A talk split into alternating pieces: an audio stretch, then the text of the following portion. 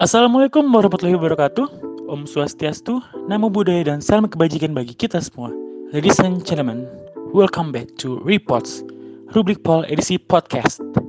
Pada kali ini, gua masih berlanjut lagi nih untuk bincang-bincang politik bersama Bang Reksi Pangestu. Juga lo udah fresh graduate, udah udah santai-santai lah ya. Berapa lo tadi lulus? Berapa tahun berarti? Empat tahun, pas empat tahun gimana sih perasaan lo nyusun skripsi? Kayak banyak banget stres lah terus orang depresi gagal skripsi dan lo bisa sekarang ketawa-ketawa nggak ada beban gitu. Gimana sih lo ngadepin skripsinya pas kemarin-kemarin gitu? Awal-awal gue bingung sih gue harus ke siapa maksudnya dalam artian ini kan gue skripsi butuh wawancara gitu ya butuh narasumber apalagi skripsi gue kan ngebahas kajian tentang populisme Islam sama kekalahan partai P3 di tengah isu populisme Islam yang tinggi. Populisme Islam tuh narasi kayak politik Islam gitu lagi tinggi kan.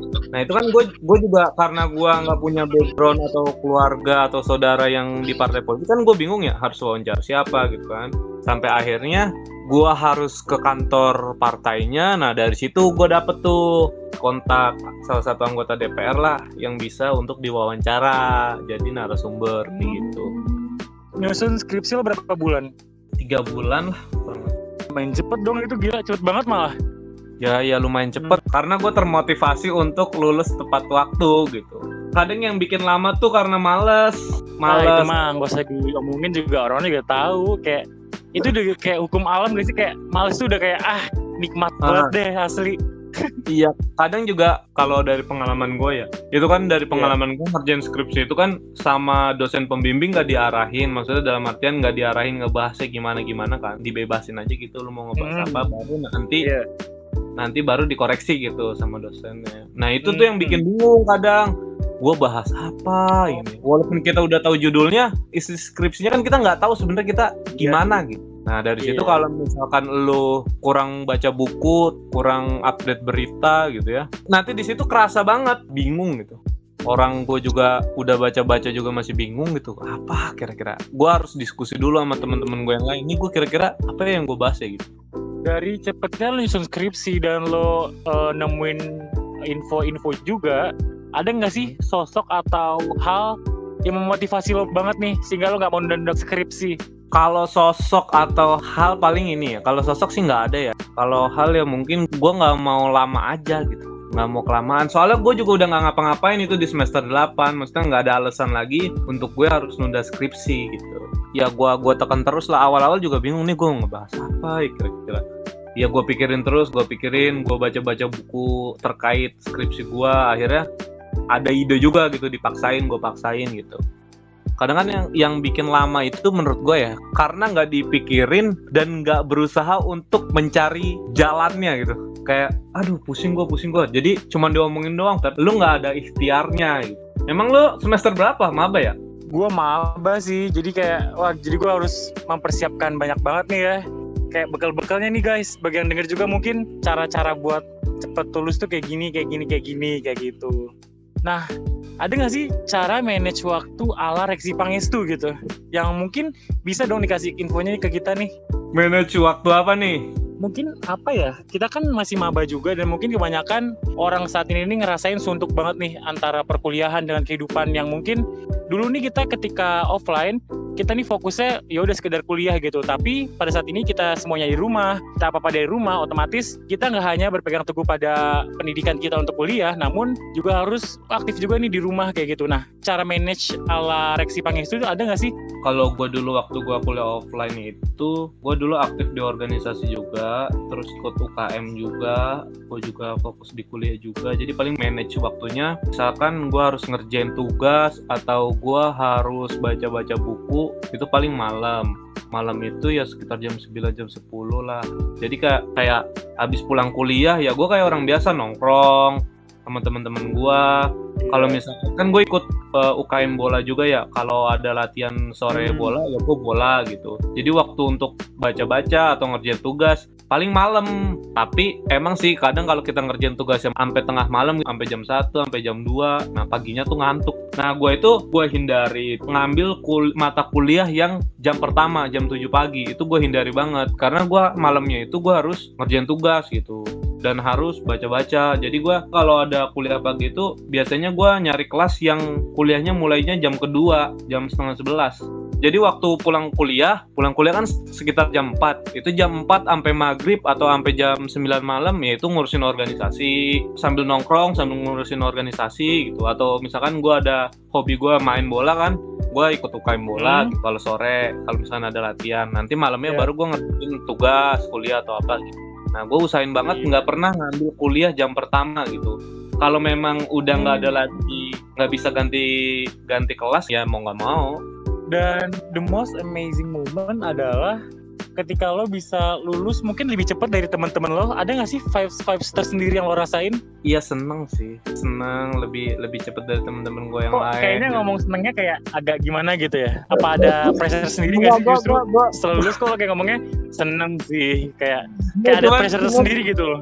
Enggak, gue takut kayak menyinggung teman-teman gue yang lain aja yang belum lulus, takut dikira sombong. Ya gue senang, lulus duluan bangga gitu kan.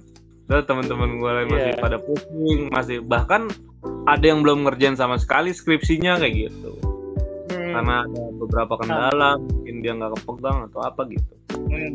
Ya, ya gue seneng banget lah. Terus ini gue ini bukan bukan mau merendahkan yang belum lulus ya justru di sini kan gue pengen nanya nih ada nggak sih vibes tersendiri ketika lo lulus gitu jadi orang yang hmm. masih nunda-nunda nih akhirnya pengen cepet-cepet juga nih nyusun skripsi karena termotivasi sama vibes yang lo tawarkan tadi gitu Iya, ya paling gitu. Gue sih seneng, ya seneng banget lah lo bayangin. Gue sibuk organisasi, ya gue kuliah juga lumayan fokus. Tapi gue bisa tepat waktu gitu, kuliahnya seneng banget lah. Mungkin beberapa temen gue, nah itu mungkin tuh ya, itu salah satu karakter keambisan gue tuh di situ gitu. Bisa iya, dilihat yeah, dari yeah, itu. Yeah. Gue bisa, ya pokoknya gue semua kegiatan gue bisa kepegang kuliah gue bisa tepat waktu hmm. nilai gue lumayan bagus. Lebih dari cukup banget sih itu mah. Ada gak sih kesan pesan lo selama kuliah di politik? Setelah lo akhirnya survive kayak oh ternyata lo baru sadar nih ternyata gila gue bisa udah sejauh ini. Dan kesan pesannya justru banyak banget kan pasti. Kesan gue pertama mungkin seru kuliah di politik itu. Terus juga nggak terlalu menurut gue nggak terlalu ribet nggak terlalu bikin pusing gitu. Karena kan kita paling harus baca buku aja sama nonton berita gitu ya. Mungkin yang bikin ribet matkul statistik sih itu yang ada pusing dah. Nah itu tuh yang the real pusing tuh di situ tuh. Mungkin mungkin itu ya di di politik ya. Sisanya sih menurut gue masih masih bisa dipelajari dengan santai lah ya nggak harus gimana banget gitu. Kalau pesan gue mungkin pesan ada nggak? Pesan mungkin buat mbak-mbak kantin atau mas-mas tukang parkir yang emang berjasa banget gitu selama lu kuliah di UIN kalau pesan pesan-pesan untuk ya gue berpesan banget terima kasih apa namanya tukang parkir visip gitu kan yang nah, kalau ngeliat kenapa tuh? mukanya mukanya agak datar Iya tetap melayani mungkin karena tempatnya panas kali ya. hmm. ya mungkin dia agak-agak bete juga karena dari pagi sampai sore kan harus di situ aja gitu mungkin ada dari pihak uh, atasan yang mendengar nih segera dibangunkan yeah. tempat yang layak nih untuk abang parkirnya mungkin parkirnya pakai AC kali ya biar nggak cemberut kayak gitu ah, ya okay. dipenuhi lah antara tugas-tugasnya dengan imbalan tuh harus feedbacknya mungkin harus setimpal gitu loh ya, jadi mungkin. mungkin bisa lebih ramah lagi gitu well guys sekarang nggak kerasa udah berapa menit lama banget nih kita ngomong kayak gini Aduh, Dan iya nih. Ada nggak sih sebelum menutup pesan nih quotes okay. yang paling lo inget dari buku, film atau enggak hal, -hal lain deh sebelum lo akhirnya pamit nih dari sini. Kalau quotes favorit gue itu ada di bukunya Bumi Manusia. Nah itu ada hmm. itu bukunya Pramudia Nantatur. Dia itu bilang, itu. Nah iya, nah gitu.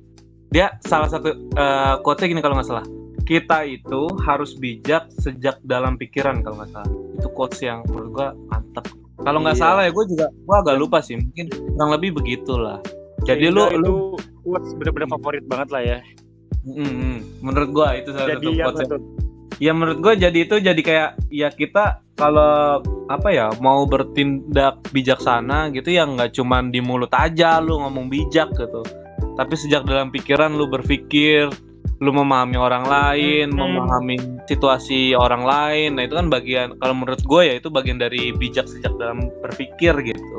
Itu menurut gue yang menarik banget tuh. Iya. Itu juga agak berpengaruh ke diri gue juga sih. Ya, semoga kayak apa ya kita ngobrol-ngobrol gini ini banyak banget nih manfaatnya. Semoga kalian bisa dapetin Ya, semoga. manfaatnya. Kalian bisa Ya, tebarin semoga. lagi informasi yang kalian dapat di sini. Dan juga apa nih bang? Salam-salam buat yang denger ini. Ya, salam-salam dari gue. Buat teman-teman yang denger, jangan bosen-bosen, santai jalanin hi- kehidupan lo seperti biasa aja, nggak usah terlalu pusing-pusing banget, nggak usah terlalu mikirin banget omongan orang, apa ya cibiran-cibiran orang, nggak usah udah. Jalanin aja hidup lo. Terus juga yang penting kalian bermanfaat untuk banyak orang lah, itu yang paling penting banget. Gitu aja sih. juga setuju nah Siap, makasih siap, banyak nih siap. bang bang Reksi Pangestu Ya, yang udah ngeluangin waktu kenapa kenapa Sama-sama. Oh, sama-sama. Iya, karena gue juga masih amazed banget situasinya. Gue jadi kayak, ah, gue dari ini pengen belajar nih jadinya. Gue lagi ambil buku, gue lagi langsung check out shop, beli buku-buku banyak nih. Karena termotivasi banget nih setelah gue denger cerita-cerita lo gitu. Kayak ah, informasi ini nggak bakal gue sia-siain banget sih. Kayak, ah, gila deh pokoknya. Makasih banyak dan sukses selalu buat Bang Reksi dan keluarga. Juga buat kalian para pendengar Rublikers juga Semoga podcast kali ini benar-benar bermanfaat banget ya buat kalian.